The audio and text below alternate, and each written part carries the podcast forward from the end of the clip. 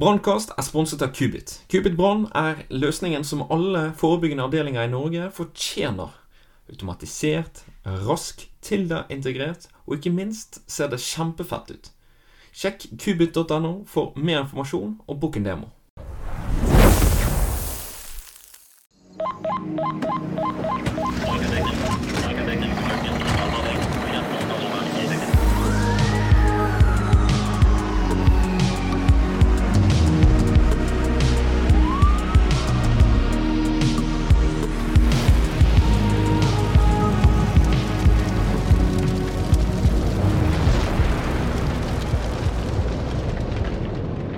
Hei og velkommen til en ny episode av Brannkast. I dag er jeg så heldig å få med meg en av de fremste i forhold til historie i brannvesenet i Norge, nemlig Roy Larsen. Eh, Roy han er tidligere brannmester fra Oslo brann- og redningsetat, og han er også leder av Brannmuseet i Oslo. Så velkommen skal du være, Roy. Takk skal du ha.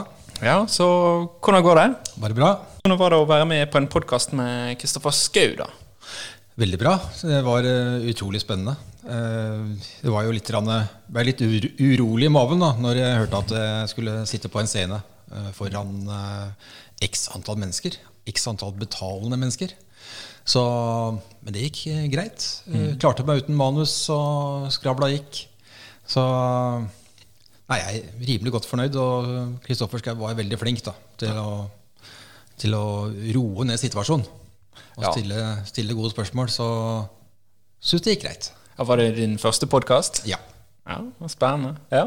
ja. Det var noe, litt av noen historier eh, dere fortalte hos han. da. Um, eh, så denne episoden, eh, den uh, podkasten, den vil jeg sterkt anbefale. Kjempespennende. Han var jo nesten to timer.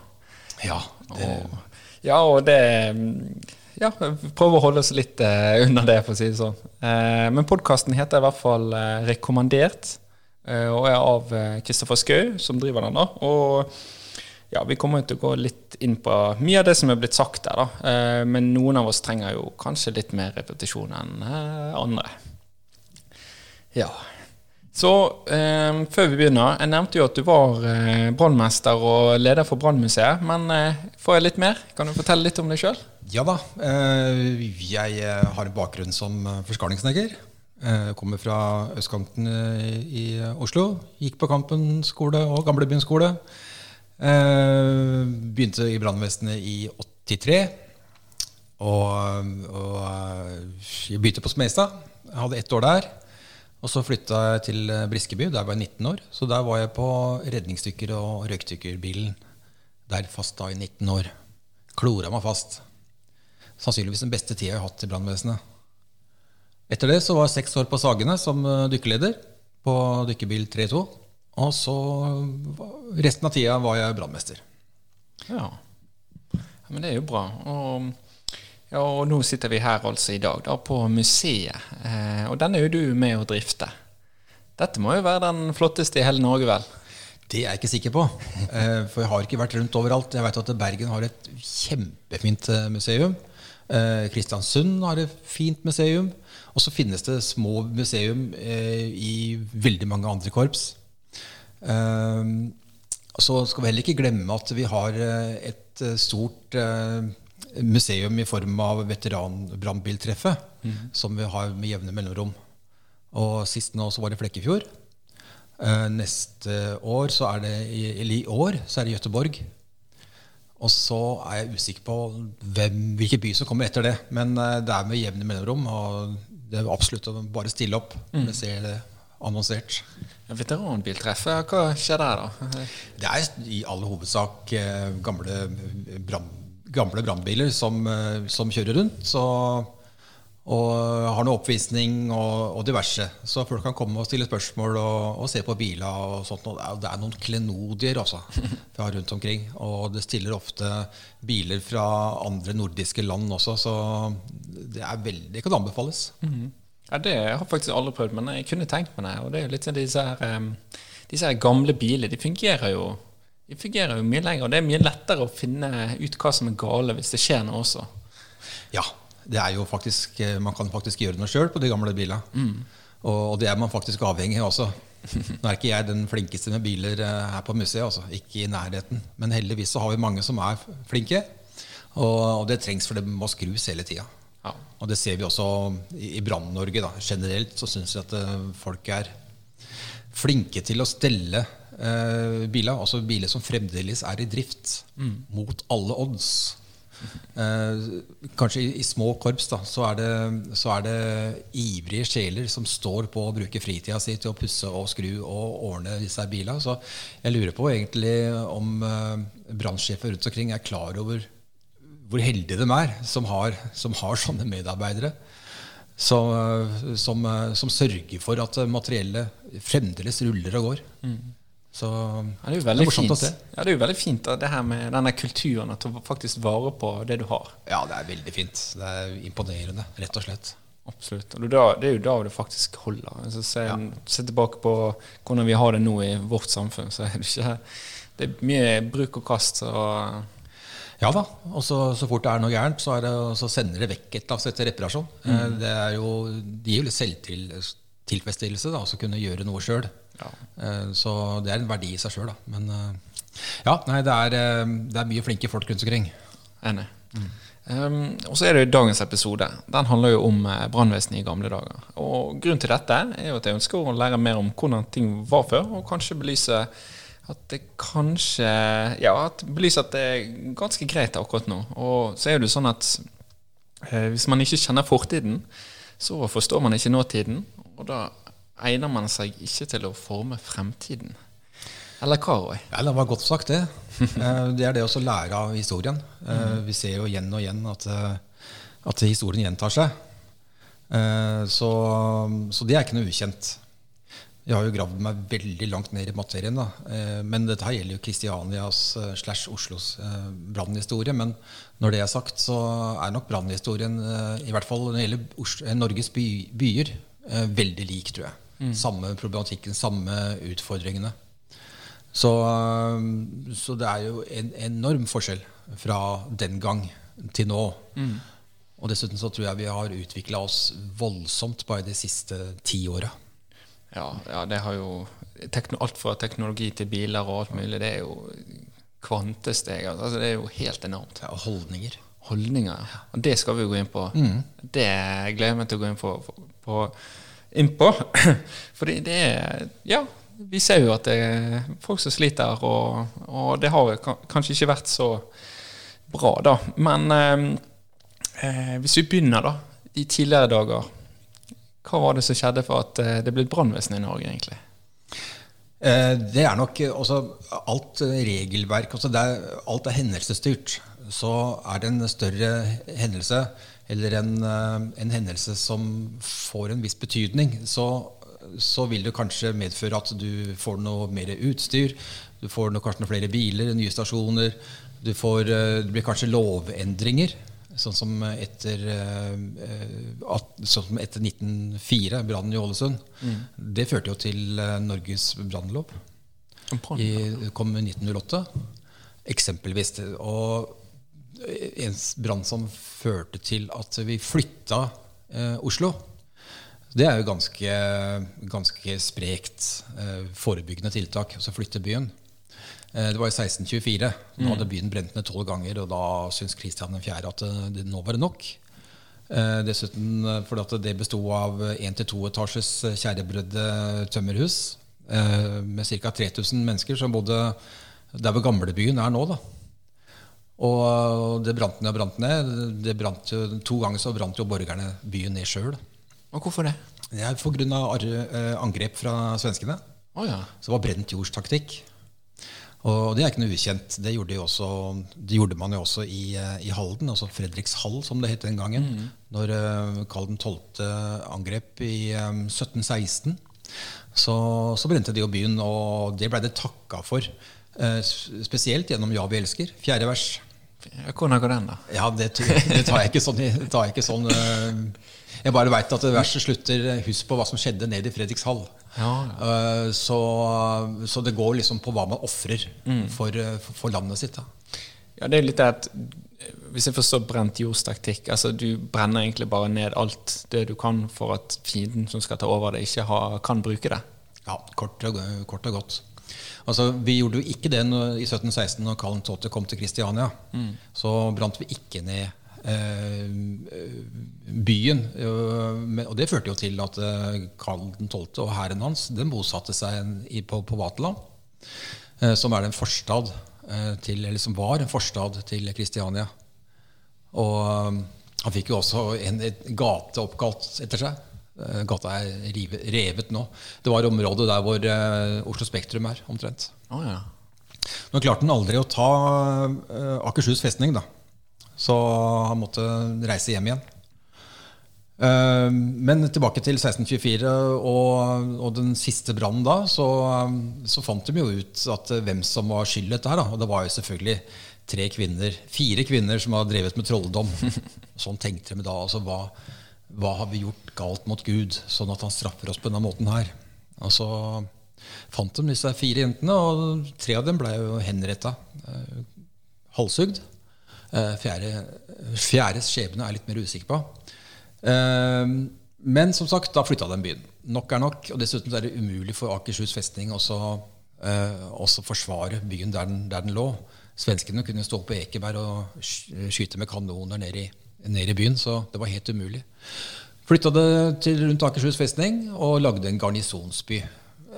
Ganske lik sannsynligvis eh, som det vi ser eh, i gamlebyen i Fredrikstad, med de vollene og vollportene og sånt. Nå. Så, og innførte da murtvang. For at rette, breie gater eh, bare bygges i mur. Eh, eh takene skulle være høye, sånn at, uh, sånn at ikke gnistene så lett satte seg fast. Uh, og det var jo gode forsetter, men uh, det holdt bare et år for at man skjønte at uh, dette blir for dyrt. Det er bare de, de mest velstående som har råd til å bygge murhus.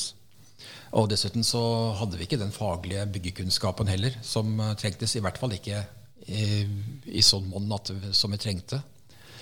Så det, det skar ganske fort ut. og så ble det innstramminger på innstramminger på innstramminger etter hvert som brannene, storbrannene kom. Så, så, helt fra til 1714 da fikk vi den første brannordningen. Som liksom satt litt system i, galskapen.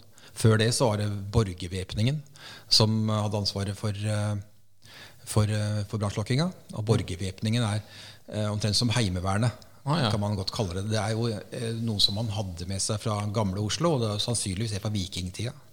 En veldig logisk eh, organisasjon, eh, hvor man tenker eh, byens eh, eh, De i byen som kan håndtere våpen og er klare til strid, skal forsvare byen sin. Mm. Så det var borgervæpningen som hadde ansvaret eh, fram til 1714, og vi fikk da brannordningen. Og da hadde Bergen og Trondheim hatt brannordninger i mange år. Så man brukte vel dem som, i all hovedsak som, som mal da når vi lagde Kristianias. Har det alltid vært sånn militært? Altså, det var, har vært militært eh, helt opp til, jeg vil si, av krigen, tenker jeg. Mm. jeg tror, det, jeg tror det, det, skjedde noe i løpet av krigen og etterkant der. Det mykna litt av den opp.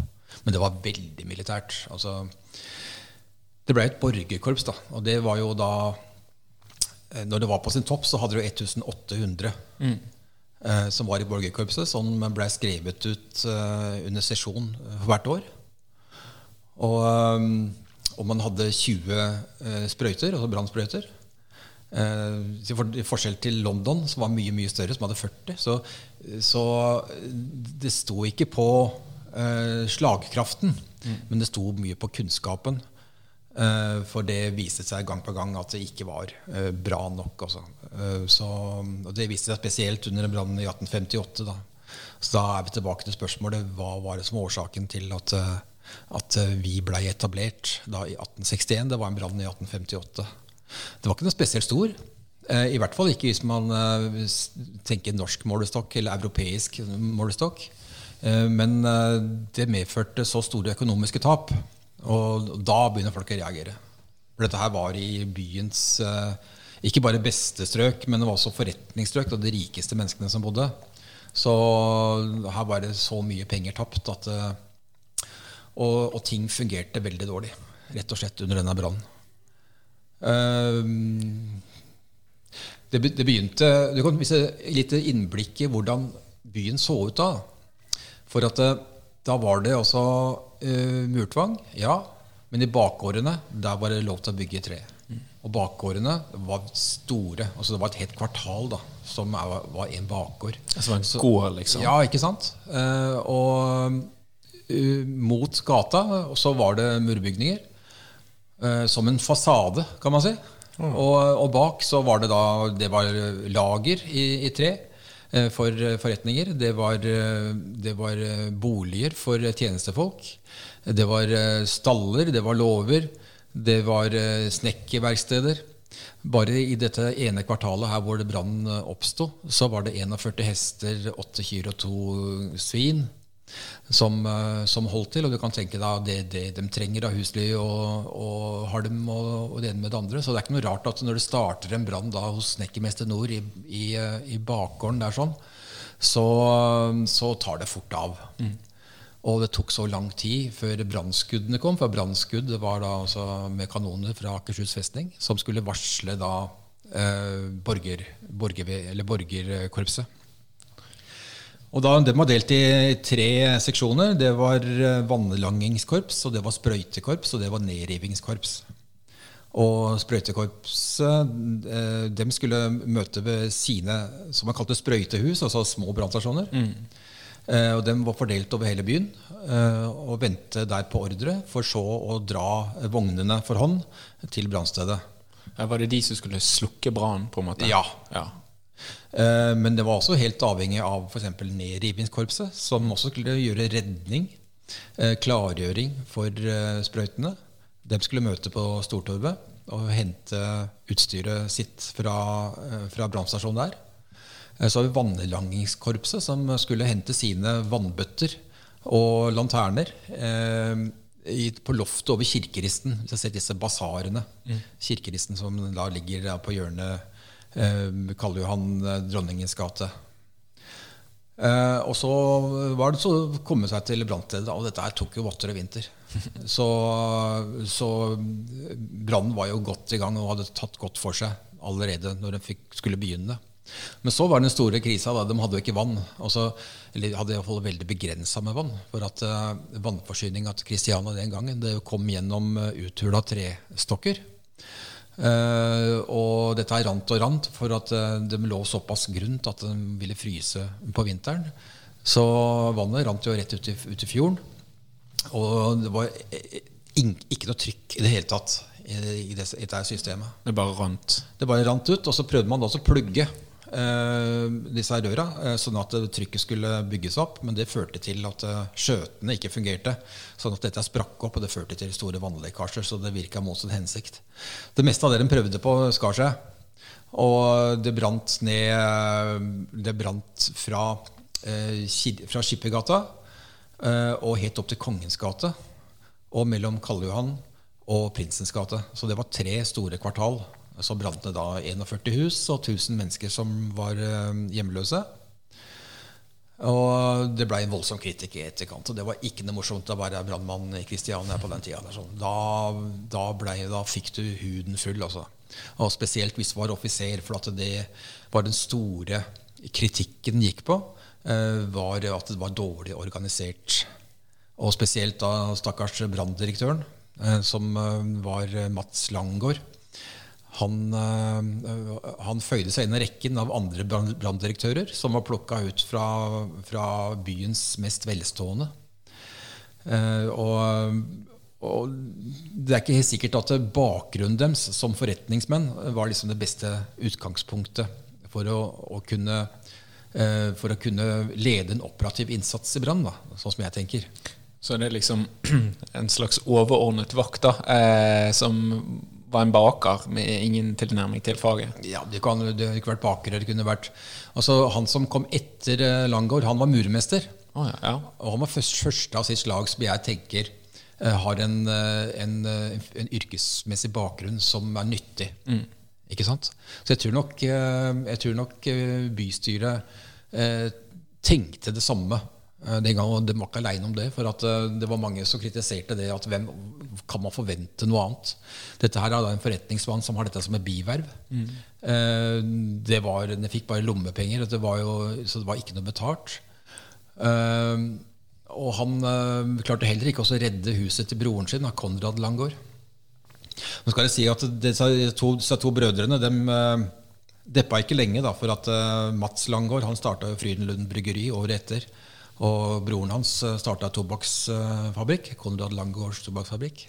Så de kom seg videre, men de fikk en skikkelig smell da den eh, 14. april 1858. Og, da, og det førte til da Det førte til at eh, det ble satt ned en kommisjon som sa at for det første så må vi ha et nytt vannledningssystem. vannledningssystem.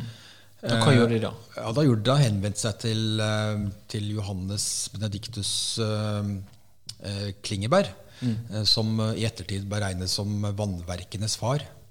Han eh, bygde eh, ja, de fleste av vannverkene i, eh, i landet. Eh, og han hadde planen klar, for at han hadde søkt om dette her flere år tidligere. Men fått avslag på at dette koster jo penger. ikke sant? Men da måtte vi ha det.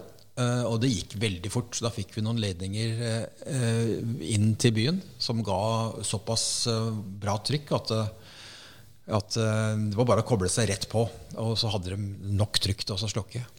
Men det ble danna en komité som sa at ålreit, vi må ha nytt vannverk. Eh, og når det gjelder brannvesenet, så skal vi ta, først ta en liten tur til Berlin, Hamburg, London, Antwerpen eh, for å se hvordan de eh, bygger, har bygd opp sin beredskap.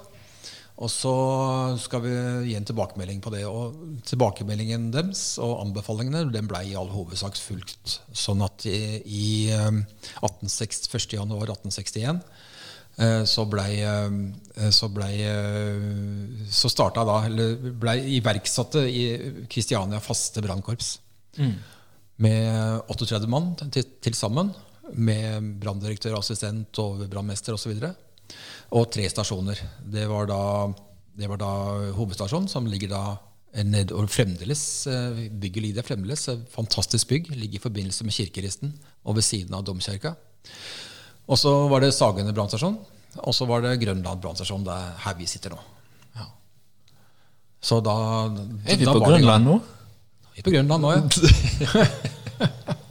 Ja, men det er bra. Ja. Jeg trodde ikke vi var på Grønland nå. jeg. Jeg trodde vi var eh, Ja, ja. Ja. ja. Nei, men så Det hørtes jo egentlig Det høres jo veldig spennende ut. Og, og i den tiden der med innovasjon og på en måte kunne være med å bidra til å utvikle helt, helt nye ting. Da, og se liksom Dette her gale, og dette må vi forberede. Men uh, det er spennende. Um, hvordan kom de seg til skadestedet da, og, og til brannstedet? Hvordan var det egentlig før? Det var jo med hester og vogner. Ja. De første hestene dem leide vi av Vognmann Nilsen på Nytorvet. Eh, Det fungerte dårlig. Eh, Hva var det som fungerte dårlig? Det, det var dårlige hester. altså De egna seg ikke til utrykningskjøring. Og det merka, man ikke før eh, man prøvde dem. Uh, og, og så etter ja, I 1864 så fikk vi kjøpt våre egne nye ti hester, som var håndplukka. Og jeg så en, en, eh, en annonse hvor man- brannvesenet søkte etter nye hester, og da skulle de ha eh, vallak eh, mellom 10 til eh, 10,5 kvarter høy, og det er sånn ca. 1,60. Eh, sterk. Og noe årsaken til dette her er at eh, en ting er det at de skulle kunne ikke ha for store hester. Eh, for dem, ja, de er sterke, men kan også være litt rande, eh, for sterke. Også. Men det egna seg best. Så mindre sterke hester var, mer, var bedre, lettere å håndtere. Da. 1,60, det er jo lite. Ja, Det var ikke så store hestene. De sa at eh, Den gangen så var det, hadde også trikker, men da, da var det hestene som dro trikkevognene. Og de hestene var mye større og, og, og sterkere. Men uh, de egna seg dårligere eh, til, eh, for, til brannvesenets bruk. Da. Det som er fascinerende med hestene, syns jeg da eh, Jeg har ikke greie på hester, verken greie på biler eller hester. Men eh, når det gjelder hestene, så var det sånn at eh, på hver stasjon så var det en sykestall og en, aktiv og en aktivstall. Og sykestallen var der pga. at det var rett og slett mye smittsom syke blant hestene.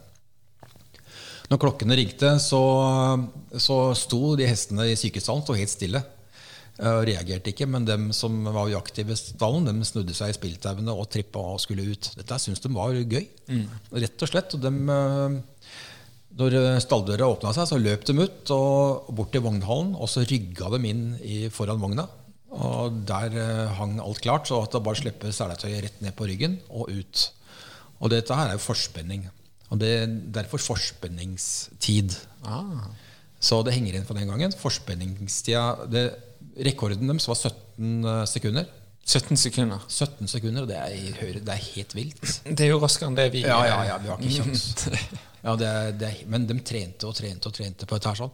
Altså, de brukte jo Utrykningstida kunne være lang. da.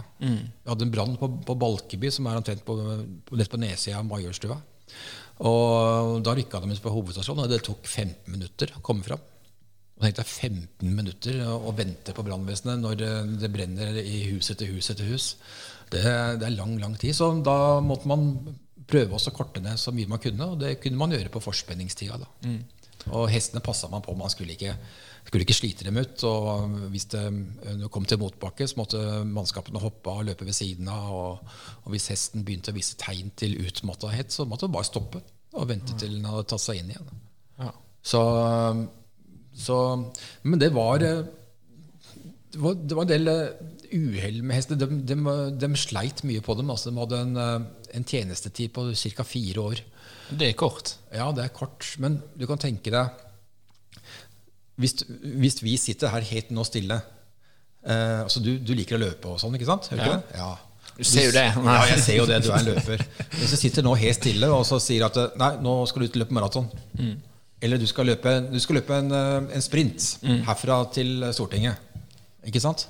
så ville du jo ha tenkt at det hadde vært deilig å blitt litt varm i, i musklene først, og Ja. varme opp litt. Ja. Det var sånn med hesten også. De eh, sto stille på stallen, og så plutselig så skulle de ut og gi alt de hadde. Så de starta jo kalde hver gang. Det er noe å tenke på, det også. Det er litt sånn innbytterpuls. Det er liksom Ja, det er ikke helt innbytterpuls, nei. Så, og så var det noe som heter trebrolegning. Altså, brolegning det kjenner vi jo til. Altså, ikke sant? Men dette bråka jo så forferdelig med hestehover og vogner. Så noen steder i byen så ble det lagd trebrolegning. Og det var rett og slett eh, eh, firtom, firtom. Eh, sånn ca. 20 cm kubber som ble satt liksom rett opp og ned på et underlag av, eh, av, av, av grus. Eh, men jeg tenker, det var glatt. Ja.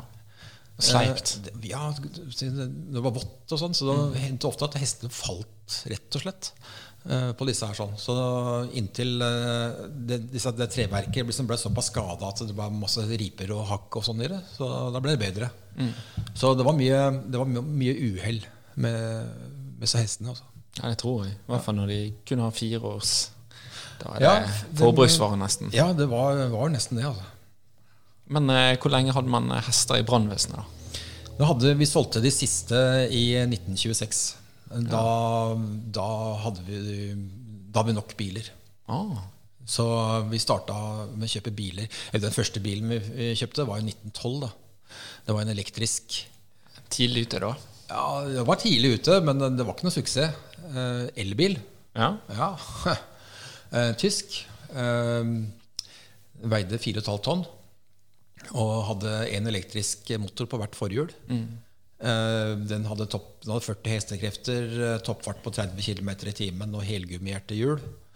Og, og på jomfruturen da, så skulle de eh, klinke til og så skulle kjøre til eh, Sandvika. Eh, Kom ikke helt fram, ble stoppa av snøen. Skulle snu, og så fant de ut at eh, vi har ikke nok strøm. Eh, var borte, Så var dytte da, det 4,5 tonn tilbake til stasjonen. Og dette her var bare et sånn eh, bilde på hvordan den bilen funka. Altså. Det funka ikke. Det var ingen hurtiglader der i nærheten? av? Det var ikke noen hurtiglader. Nei, det var stusslig. Rekkeviddeangsten var definitivt uh, født. Så, så den uh, blei stort sett stående i, eh, i, i, i garasjen. Nå skal vel Oslo også få seg en elbil? Skal ikke det? da? Ja, det er noe snakk om det, men jeg kjenner ikke så godt til det. Men jeg tror det er langt langt, langt frem til at vi kan kjøre en, en helelektrisk eh, mannskapsbil. Altså. Ja. Det tror jeg. Tror du de kommer til å få litt sånn rekkeviddeangst, eller må kanskje til og med Ja, dytte bil igjen? Jeg tror heller angsten vil gå på Har vi nok strøm til å holde på denne brannen som varer så lenge? Mm. Så, vi, så at eh, pumpa må gå hele tida. Jeg tror jeg skal ha ganske gode batterier. Altså. Ja, men det blir nok sikkert en slags sånn kombi. ha- Må ha en kombi. Ja, sikkert en diesel. Men for eh, all del, det skjer jo så mye på utvikling på fronten her, sånn, så, Mm. så det blir spennende å se. Men eh, Ja, ja. Altså, vi, ser, vi ser jo at det er, liksom Det er jo ikke bare brannbiler som kommer til å utvikle seg eh, med det her med batterier. Det er jo lastebiler generelt kommer Ja, til å bytte over. ja. Så, ja. Så det, det er bare et spørsmål om tid før vi får disse her første Eller ikke første, men eh, de moderne bilene. ja, ikke sant? Ja, Så det blir spennende. det gjør det. Men eh, sånn i forhold til eh, Ja, det var jo hestene, og nå har vi vært litt inne på historie. Men hvis vi går, går litt inn på det her med hvordan det egentlig var å være brannmann. Altså, vi har jo vært litt inne på det militære. Altså, det har jo ikke alltid vært like lett å være konstabel. Ja, det, var, eh, det var en av de verste drittjobbene du kunne ta. Ja. Altså De fleste som eh, kom inn til byen eh, altså Folketallet tredobla seg eh, fra 1850 og, og fram til århundreskiftet.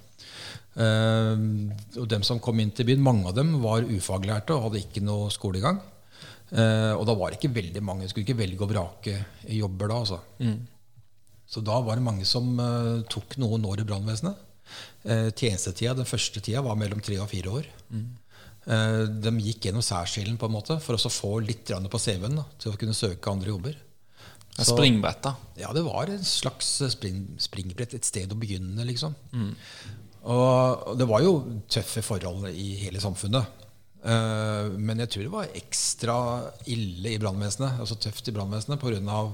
Arbeidsvilkårene. Det kunne være de, da. Ja, altså du, du hadde i prinsippet aldri fri. Aldri. Aldri hadde du fri. Altså, du var på vakt, eh, og når du, de første to timene etter vakt så skulle du møte opp til øvelse. Og så måtte du være tilgjengelig eh, for eh, spesielt vannverket, da, for at vi, hadde, vi lå under samme direktør. Så direktøren for vannverket han var også direktør for brannvesenet. Så da lånte de ut halvparten av hestene og veldig mange av mannskapene. Både dem på vakt og dem som hadde fri, til eh, å legge da det nye vannledningssystemet. Eh, og så var jeg tilbake på vakt igjen. Og skulle man ut av byen, så måtte man søke. Eh, og dette her gikk Det var ikke noe lørdagsfri og helgfri. Det var, du hadde ikke fri. Ferie, da. Rett, nei, du hadde ikke ferie før i Sommerferie, vinterferie, påskeferie. 1898. Da kom den første ferien. Oh. Det er, det er jo helt vanvittig. Altså, de, etter klokka ni så måtte du være på kvarter, som det het. Altså, da måtte du være på kaserne. De bodde på kaserner, og, den, og der var det inspeksjoner. Eh, og, og befalet hadde ordre om også eh, å si, undersøke hvordan det var i ditt private liv. Så, eh, så der, røyk, der røyk privatlivets fred, liksom. Eh, og for så inn, I en instruks så het det at uh, verken brannkonstabler eller formenn uh, kunne trede inn i ekteskap uten at uh, først fått si, si, uh, tillatelse fra sine overordnede. Eh, så det var, det var hårda bud. Klart at det, du kunne ikke dra, liksom dra i helga på fisketur og, og tur i skauen. Det var ikke muligheter til det. Ikke i det hele tatt. Ikke i det hele tatt. Var det folk som snek seg unna, da? Ja, det, det var det. Det var en som uh, stakk av. Han ble tatt, og han fikk noen dager i fengsel. Oi, var det såpass? Ja, det, det, her, eh, det var ikke noe kjære mor den eh, tida der. Altså. Det var en, som, når vi fikk eh, branntelegraf, som det het, eller utvendig melder, brannmelder, så var det en som slo inn den her for moro skyld. Han fikk 25 dager på vann og brød. Ja. Det var ikke noe, det var ikke noe dask på hånda fy i ansiktet da, altså. Ja vi, har det, vi har det ganske greit nå, da. Vi har det ganske greit nå.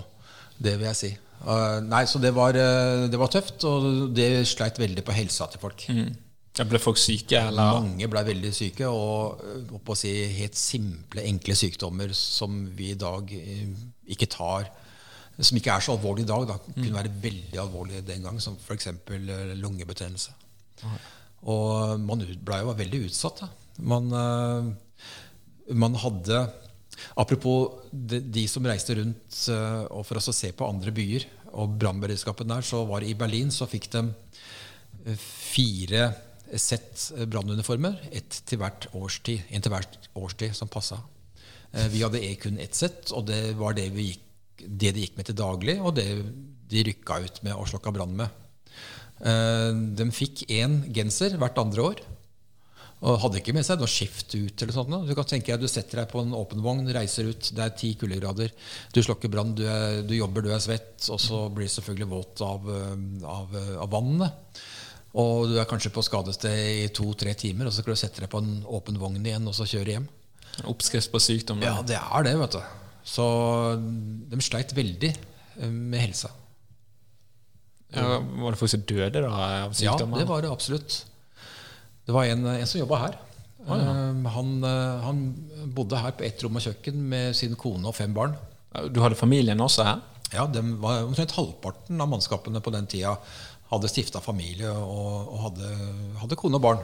Så, du søkte, så da du søkte, så, så fikk du liksom eh, Så søkte du også for um, Ja, om? Ja, altså du, eh, ja det, var, det var en naturlig eh, følge av at du fikk jobb. Så, så stilte brannvesenet med, med bolig, og det var jo veldig fint. For at det, det var jo bolignød så det holdt den tida. da.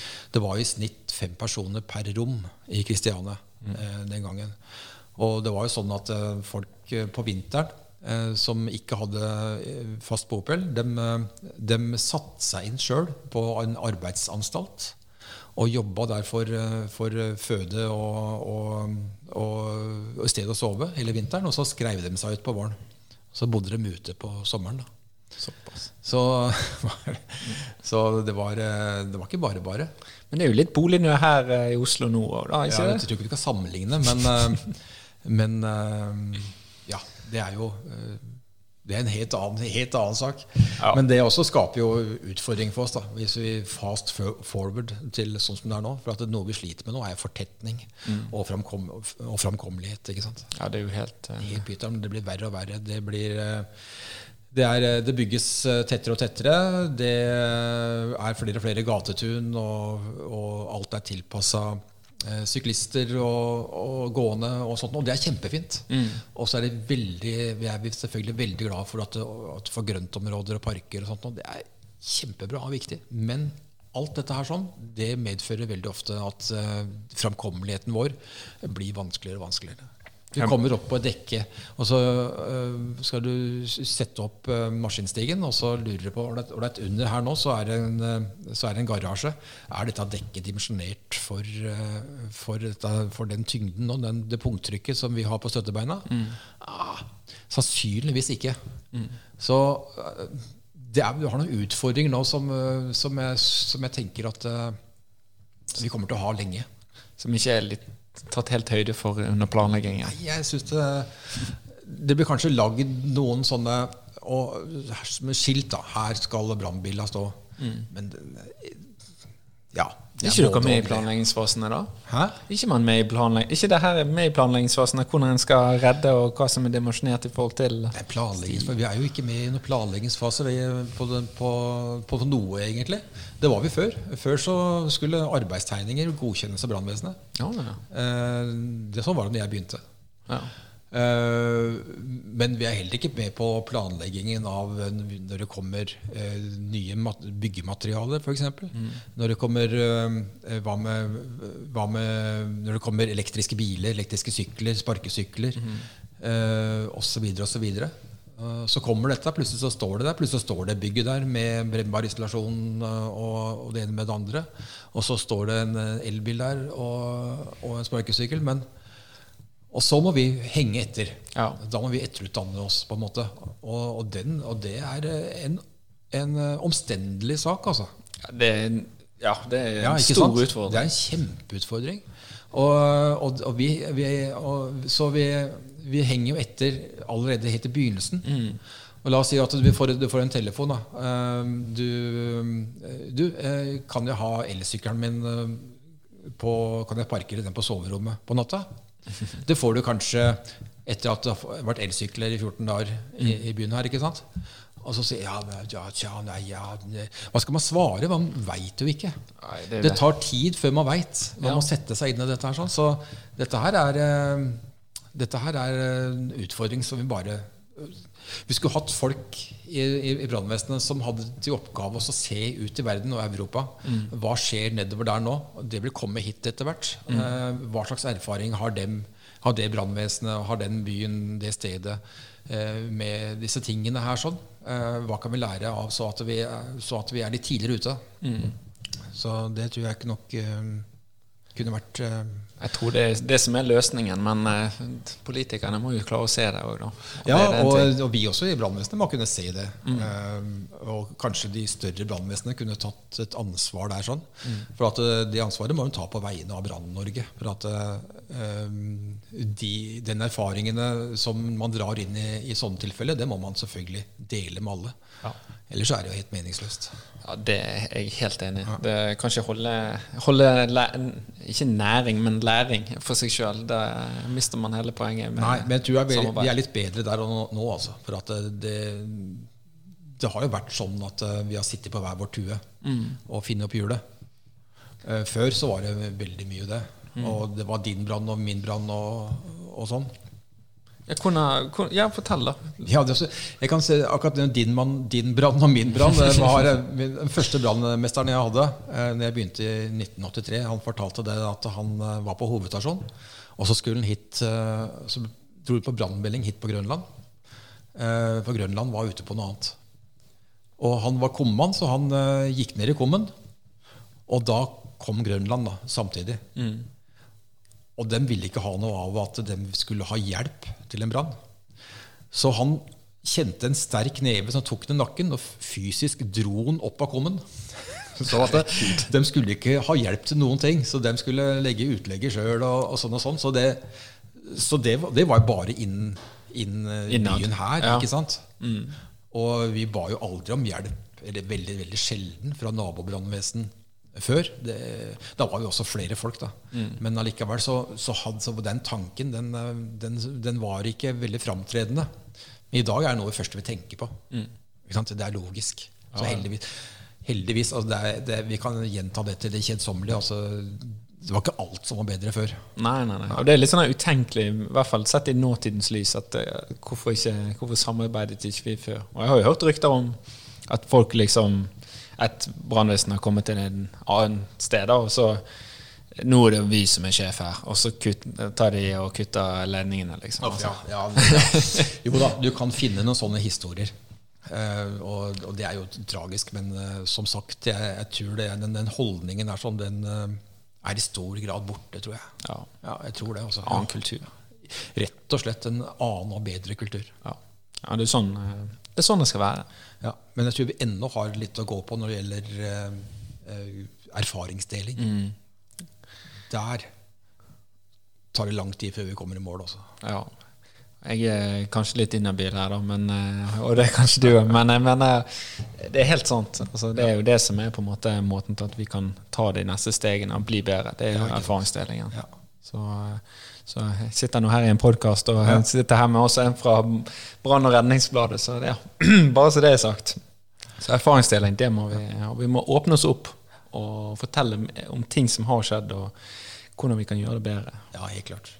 Men har vi kanskje snakka oss litt bort? Har vi, Ja, har vi det? har vi ikke det? Jo, men eh, er ikke det koselig, da? Kan dra til Indien, vi. Ja, men vi snakker jo om alt mulig, så det går jo veldig bra.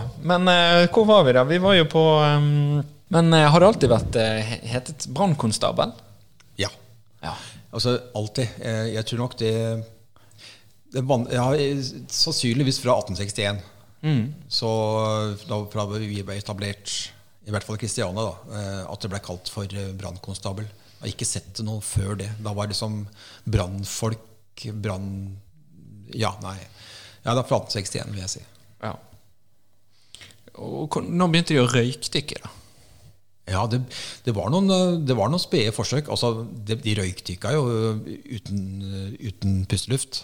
Altså, ble, man leser jo historier om Og det, var- det syns folk var veldig stas. da, Hvor vi så liksom hvor dristige disse brannfolka var, som tok en stige og gikk inn i i brennende leilighet og måtte hele tida ut til vinduet for å trekke luft. Ikke sant? Og man hadde jo den innstillinga at eh, litt røyk må du tåle liksom, hvis du skal være brannmann. Og så hadde man også skjegg og skulle liksom sile røyken igjen mellom skjegget. da. Altså, det var jo på et kunnskapsnivå som var helt nede. Men visste jo selvfølgelig at røyken var farlig. Og de første røykdykkersettene de kom ganske tidlig, men det var en slags sånn hjelmdykkersystem hvor man pumpa luft. En mann på utsiden? Ja, en, ja, og så var det en, en annen også som, uh, som hadde kommunikasjon da, gjennom den samme, samme ledningen. Det ble veldig lite brukt. Det var først uh, 1935 da begynte det å skje noe. Da, Hva skjedde da? Ja, nei, Da hadde vi en brannsjef som het Erling Hagen. Som 1935 skjedde ganske mye. Altså, da ble røykdykkertjenesten etablert. Og man kjøpte sirkulasjonsapparater. Da. Altså, da, da, det man puster ut, så har det kalk som renser ut luft. Og så blir det tilsatt oksygen på innluft. Og ca. tre timers bruk. Uh, ikke litt det samme teknologien som de, Jo da, det, det, det, har det samme systemet i dag, bare at det er mye mer uh, moderne versjoner. Uh, og det samme året, 1935, så ble også redningstjenesten uh, lagt en femårsplan for å implementere redning inn i, i, i brannvesenet. Da ble det brann og redning? Det, ja, brann og redning. Det kom først uh, midten av 90-tallet. Oh, ja. For vår del, da. Ja, ok. Ja. Men nå er jo de fleste brannvesen blitt brann og redning. Så, så det var et viktig år sånn sett. Mm. Men uh, hva redningstjenester var det da du begynte med? Vi fikk den første redningsbilen vår. Det var en uh, liten kranbil. fikk vi i 1942. Mm. Og den blei brukt til å aduse. Vi hadde noen jekker og veldig, da, veldig, veldig enkelt. Um, den blei bl.a. brukt under krigen for oss å for oss å ta ut miner som var, skulle egentlig vært sluppet i sjøen, men som ble havna inne i byen. Eh, men også selvfølgelig trikken. Sporveien sporveien vi, hjalp vi veldig mye med avsporinger osv. Og jeg ser jo på statistikken at eh, fra da 1942 og så, videre, så var det liksom flere og flere redningsoppdrag for hvert år. Så det var helt klart at dette her hadde livets rett. Mm. Ja, eh, og, og, og, det var jo liksom sånn tekniske ting. Men begynte dere, nå begynte dere å dykke og sånt? Og dykke, altså, altså redningsdykketjeneste, eller Froskemannstjenesten, som ja. man sa den gangen, eh, fikk vi i 1957. Det er ganske tidlig. Den gangen så var det stort sett Forsvaret som, eh, som dykka. Også i, i, byen her så var det Falken som hadde den sivile eh, dykkinga. Så når vi starta, så var det Forsvaret, altså Marinen, eh, som sto for opplæringa. Og det gjorde de eh, for oss i mange mange år, inntil vi hadde nok kompetanse til å ta over opplæringa sjøl. Mm. Men hele den konseptet, på å si militærkonseptet, det har vi beholdt til i dag, og det tror jeg de fleste har. I sånn i forhold til opptak, selektering og sånn. Så, mm. Opptak, ja. Hvordan var det da før? da? Var det bare, I begynnelsen var det bare å ta alle mann alle, eller? Ja, opptak til brannvesenet ja. generelt? Nei, det var jo ikke så, så, så ille var det vel ikke. de tok jo inn, eh, altså Det var jo flere hundre som søkte den gangen også, og de tok inn ti stykker. Ja. Så Litt sånn som Oslo måtte da. måtte jo sile. Ja, måtte jo sile da også. Uh, så, men det er klart at uh, selekteringa er nok man eh, tar det nok minst like seriøst nå, og det er eh, definitivt vanskeligere nå. Mm. Uh, langt flere tester, og mer krevende tester nå. Det er det ingen, ingen som helst tvil om. Så, men vi hadde jo fysiske test, tester, vi også. Det var Klaus-tester og høydetester og, og noe teori og, mm. og enkel matte og, og, rettskriving og sånn. Var det sånn på din tid da? Eller? Ja, ja. ja. ja. Så, men eh, det kan ikke måle seg med sånn som det er i dag. Altså. Ja, For hvordan er det i dag, da? Ja, nei. Åssen det er i dag, ja. Eller hva, hvor mye har du lov å si? ja, nei, altså det eh, Vi har anbefalt folk også å gå inn og se på hjemmesida til, eh, til Oslo Brann og Redning. da. Det sier et eller annet om at du skal ha gjort ferdig en videregående utdannelse og ha jobba i minst to år 100 um, ha et avklart forhold til eh, Forsvaret. Eh, og kunne å ha uh, førerkort klasse B, uh, kunne svømme. Uh, ha evnen til å samarbeide og, og kommunisere. Og ha gode holdninger. Mm. Og de tre siste punktene her syns jeg er definitivt det viktigste av alt. Det er, det er nøkkelen. Ja, absolutt. Det min mening. Også. Ja, jeg er helt enig med deg. Og det virker som dere har ordentlige, ordentlige typer der nede i Oslo. Ja, men dette her, altså, Vi er samme familien i hele Brann-Norge. Ja det er nøyaktig samme. Det ser vi jo når du kommer på brannskolen og du kommer på andre samlinger, om det er NM i, i ditt eller datt eller hvor som helst. Eller du besøker en brannstasjon uansett hvor det er. Du møter jo akkurat de samme gutta mm. og jentene. Ja, ja, og du vil liksom det samme. Det er. Samme, samme dårlig humoren. Og det, er samme, det, er, eh, det står ikke feil, altså. Så vi er ganske, en ganske homogen masse. Altså. Ja, ja. Ja, det, det, tenker jeg eh, Ja, det er helt sant. Men sånn i forhold til cowboyer Når kom det her fram da i brannvesenet? Det var jo, og dette her blei på en måte fremelska av, av, media, av folk flest. For at uh, Måten som media skrev om i begynnelsen, om, um, om innsatser som brannvesenet gjorde, så var det liksom ikke måte på. Der de løp over tak og gjorde og uten, uten tanke på egen, egen sikkerhet osv. osv. Eh, det var en beskrivelse av en brann på, på, gassverket hvor det har vært en eksplosjon. Hvor de liksom beskriver brannvesenet som kommer, og uten tanke på at det skulle komme en ny eksplosjon, bare stormer inn. Mm. Det var liksom uh, ting som de syntes det var veldig imponerende. Uh, men som kanskje deler av det i dag uh, vi kunne tenkt at, at det var litt cowboy. Da. Mm. Og, og, så det, så når det uttrykket kom, det veit jeg ikke. Men jeg tror nok ikke de syns at det var noe cowboy. Og det, det, også, det, er nok mange av, mange av, de som jobber i dag, som begynner i dag, som, eh, som når du hører åssen jeg og min generasjon jobba, mm. at det var cowboy. Men vi syns jo ikke det. Vi syntes at det var sånn det skulle være, og at det var helt greit. Vi følte ikke at vi utsatte oss for noe spesiell fare. For dere visste ikke bedre? Nei, rett og slett. Vi visste ikke bedre. Eh, det var bare sånn. Mm. Rett og slett. Altså det var ikke noe sikring på tak. Og, det var ikke, og, vi, og jeg husker at det, vi var akkurat ferdig med en røykdykkerinnsats. Jeg tror vi hadde brukt fire-fem pakker. Vi var helt utkjørte. Lå ute på, ute på, gata. Og så er det en som sier at Har du hørt det, gutta? I Sverige nå så har det kommet med noe, et regelverk for røykdykking. På, X, på maks antall røykdykk og sånt. Det er jøss, det var det rareste vi hadde hørt. så, ikke, så, så Nei, det var eh, litt Og så var det noe sånne Vi hadde en periode som vi eh, fikk beskjed om at vi nesten ikke skulle bruke vann. Altså vi skulle bruke så litt, Det skulle være tørt etter oss. da. Hvorfor det? Tørt? Ja, Det skulle være tørt. Det var en av målsetningene. Men det har vært mange, det kan jo gå tilbake til 1800-tallet også. Og som, uh, som branndirektøren sa at uh, det beste så, Har man gjort en god jobb, så, skal, så, er det lite vann igjen etter oss. Og det, det er jo fint. Det er jo Sånn kan vi tenke i dag òg. Ja.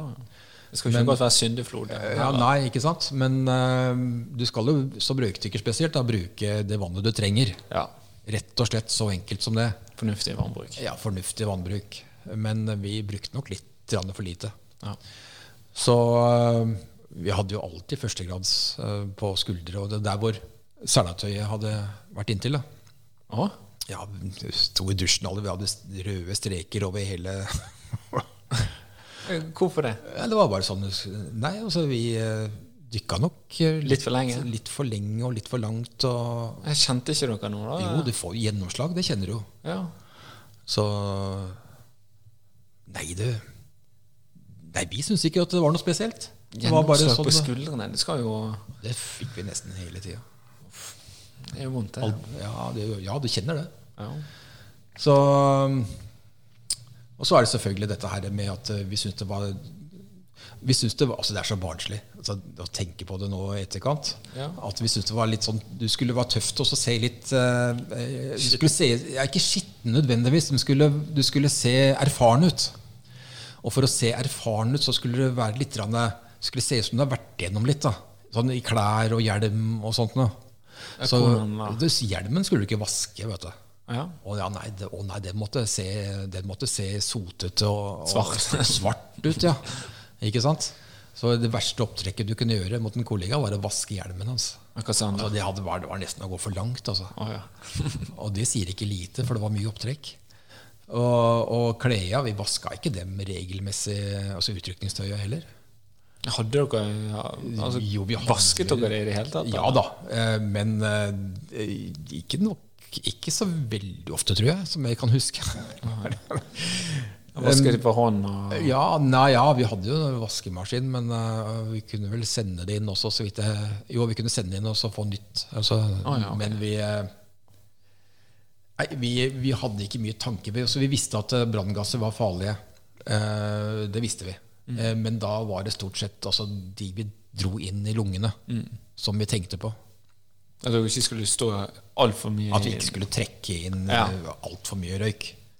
Rett og slett. Det visste vi. Det skjønte vi. Det tror jeg, alle, det tror jeg brannfolk har skjønt i alle år.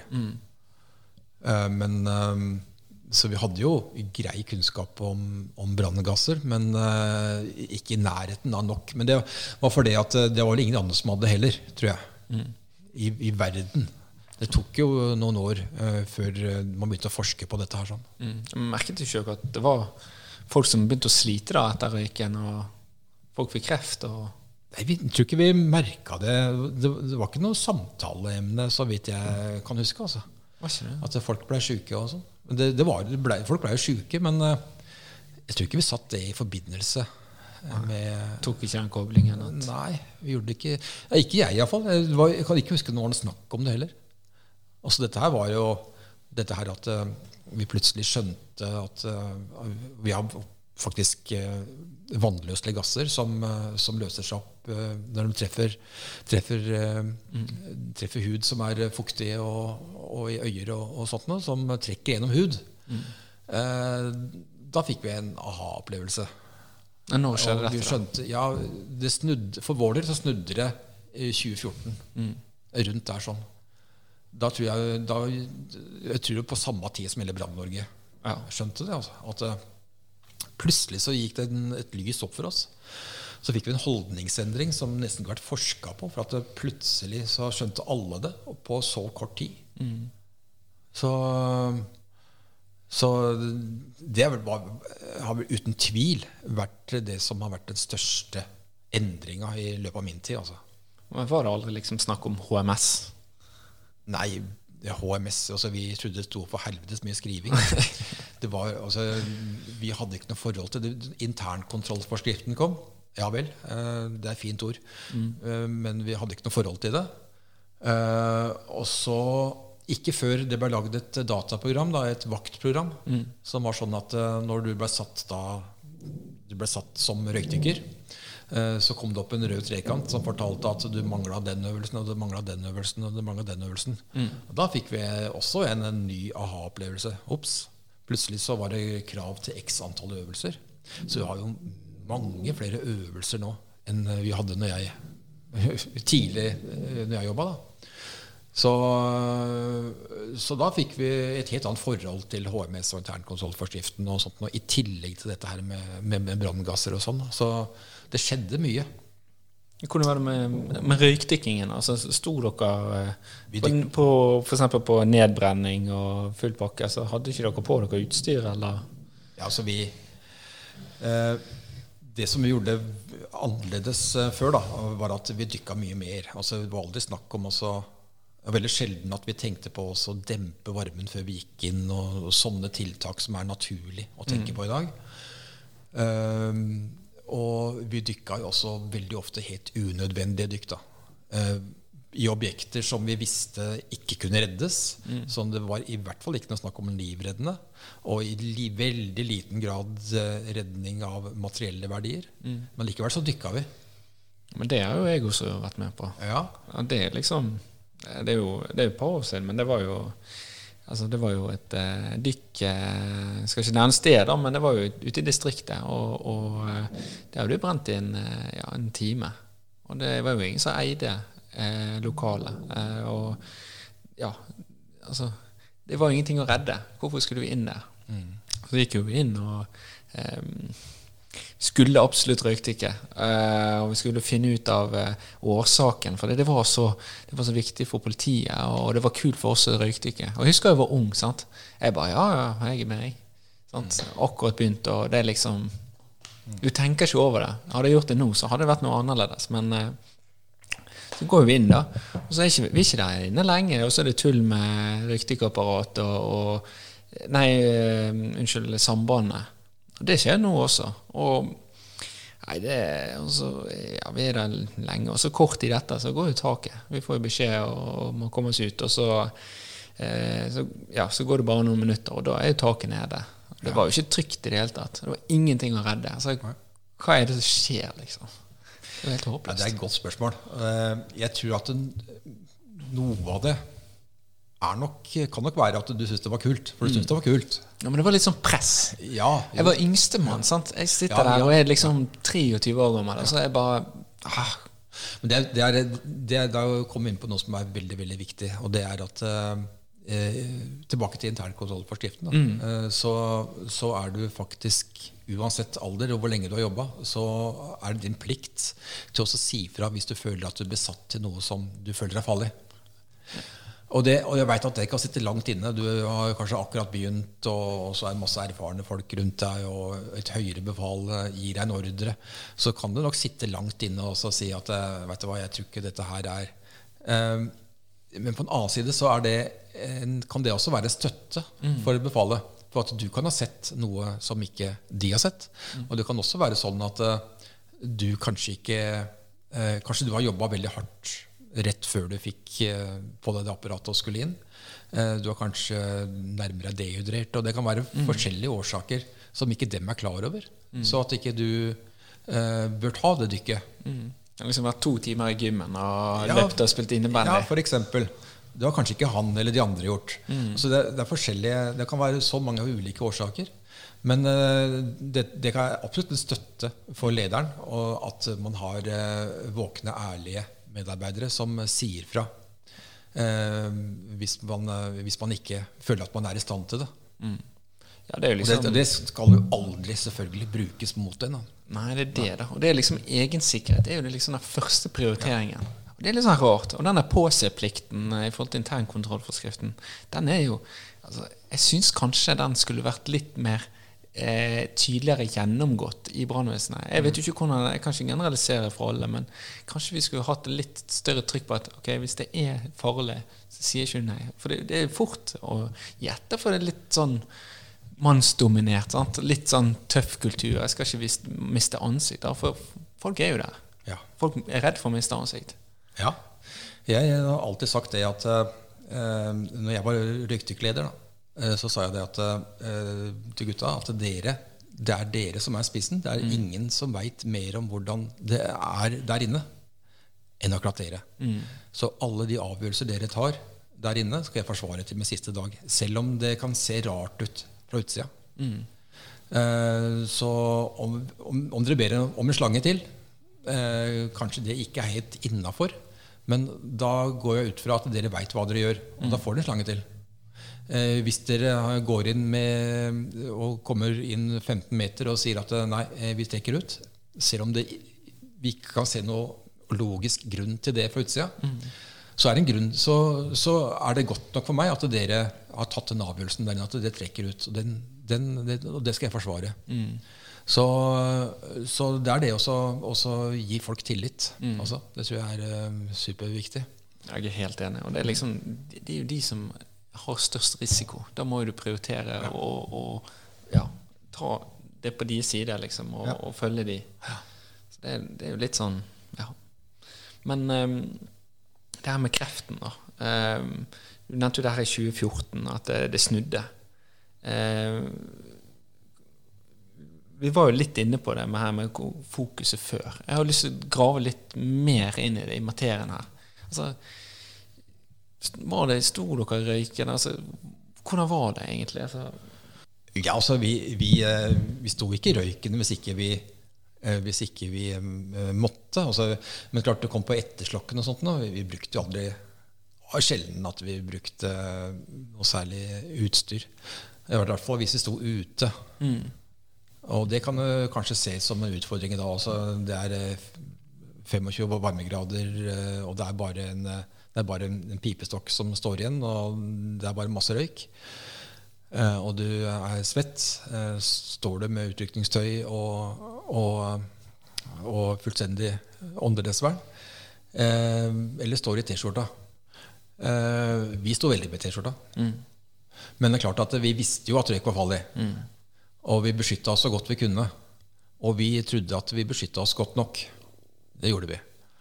Så vi følte ikke at vi tok noen sjanser den gangen, men det gikk nok mye på uvitenhet. Hvordan var det å være i Oslo brann- og redningsetat da denne endringen kom?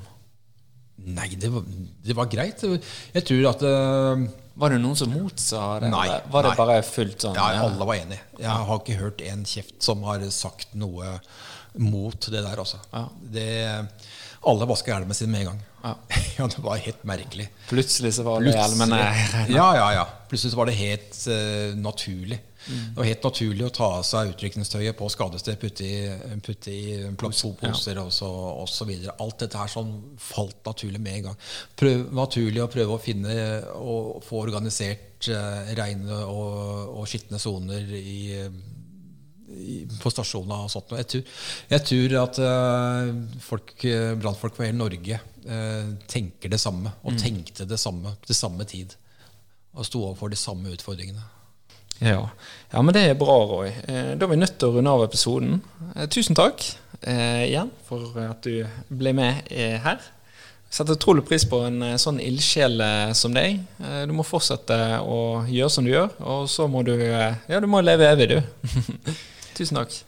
Takk for at du fikk være med. Ja, og så, eh, eh, så minner jeg om at eh, det er mulighet for å støtte Brannmuseet i Oslo. Og du bør absolutt ta turen her for å titte på denne her flotte, flotte museet som eh, faktisk ligger på Grønland. Så eh, da, ja. så da runder vi opp episoden. Takk for nå.